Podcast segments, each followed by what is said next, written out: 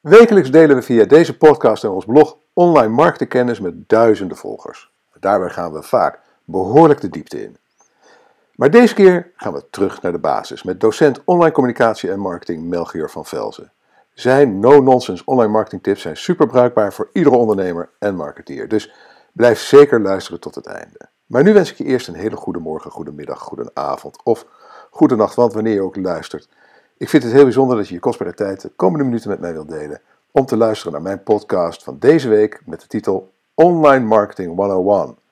Begin met de basics.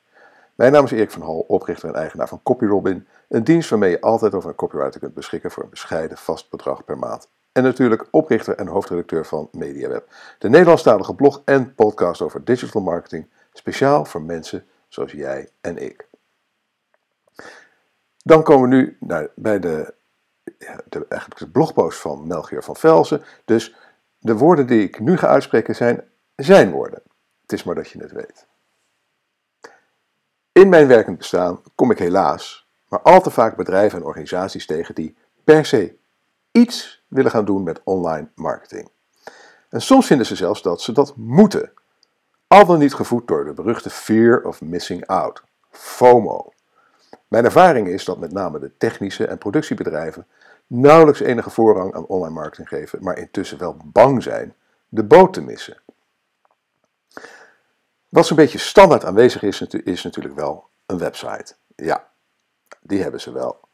Kom op zeg, want anders stel je natuurlijk niet meer mee.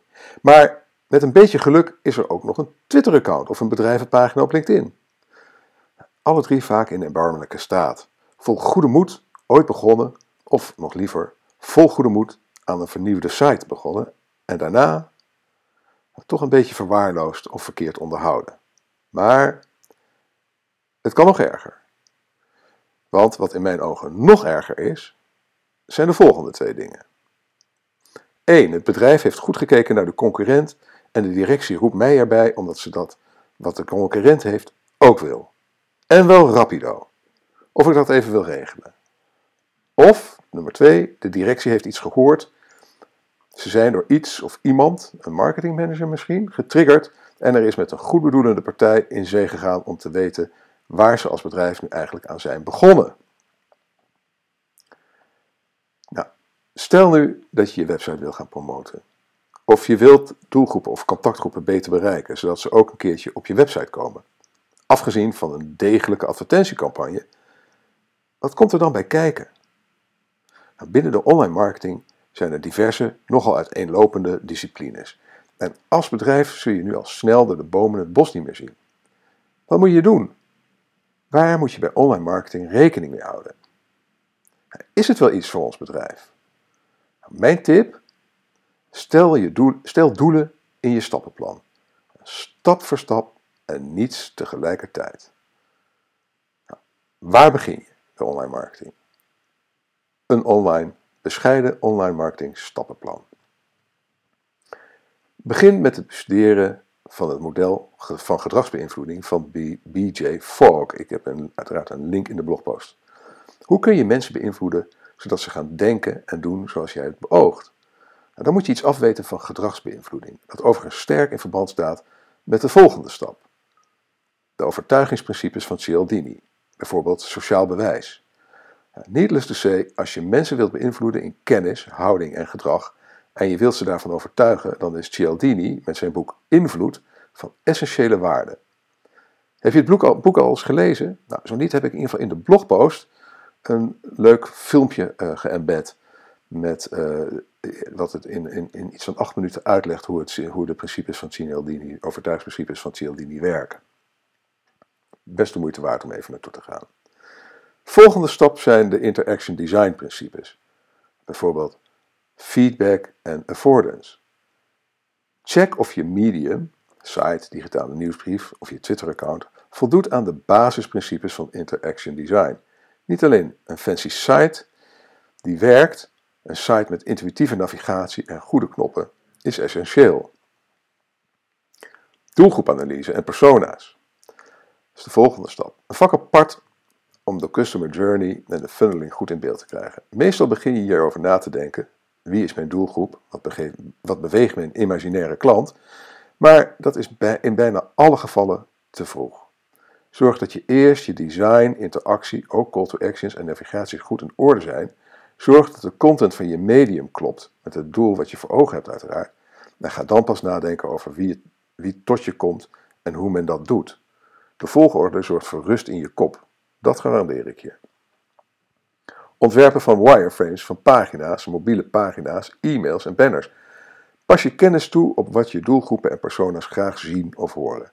Bedenk, bijna niemand leest meer. Men scant. Ook dit artikel scan je eerst. Met een beetje geluk lees je het ook. De specifieke requirements voor conversie via social media en mobiel. Dat is de volgende stap. Ja. Website is 2. Mobiel tablet is inmiddels 1. Leuk hoor, die website, maar hoe doet hij het op een mobieltje? Wie nu nog mobiel ontkent, kan maar beter inpakken. En echt, ik spreek nog regelmatig bedrijven die glashard beweren dat ze mobiel niet bereikbaar hoeven te zijn, terwijl hun webstatistieken iets heel anders laten zien. Volgende stap, de geheimen van goede landingspagina's en sales funnels. Heb je voorgaande punten een beetje op orde, ga dan nu campagnematig denken en bedenk sales funnels.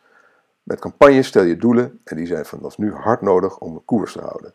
Sales funnels helpen je bij het fine-tunen van je bezoekers op de site. Ze gaan, wel, ze gaan dat doen wat jij wil dat ze gaan doen. En te vaak zie ik sites waarover een juiste trechtering niet goed is nagedacht en dan doen bezoekers maar wat. En tenslotte, last, maar zeker not least, persuasive copywriting. Bijvoorbeeld elevator pitches, SEO en knopteksten.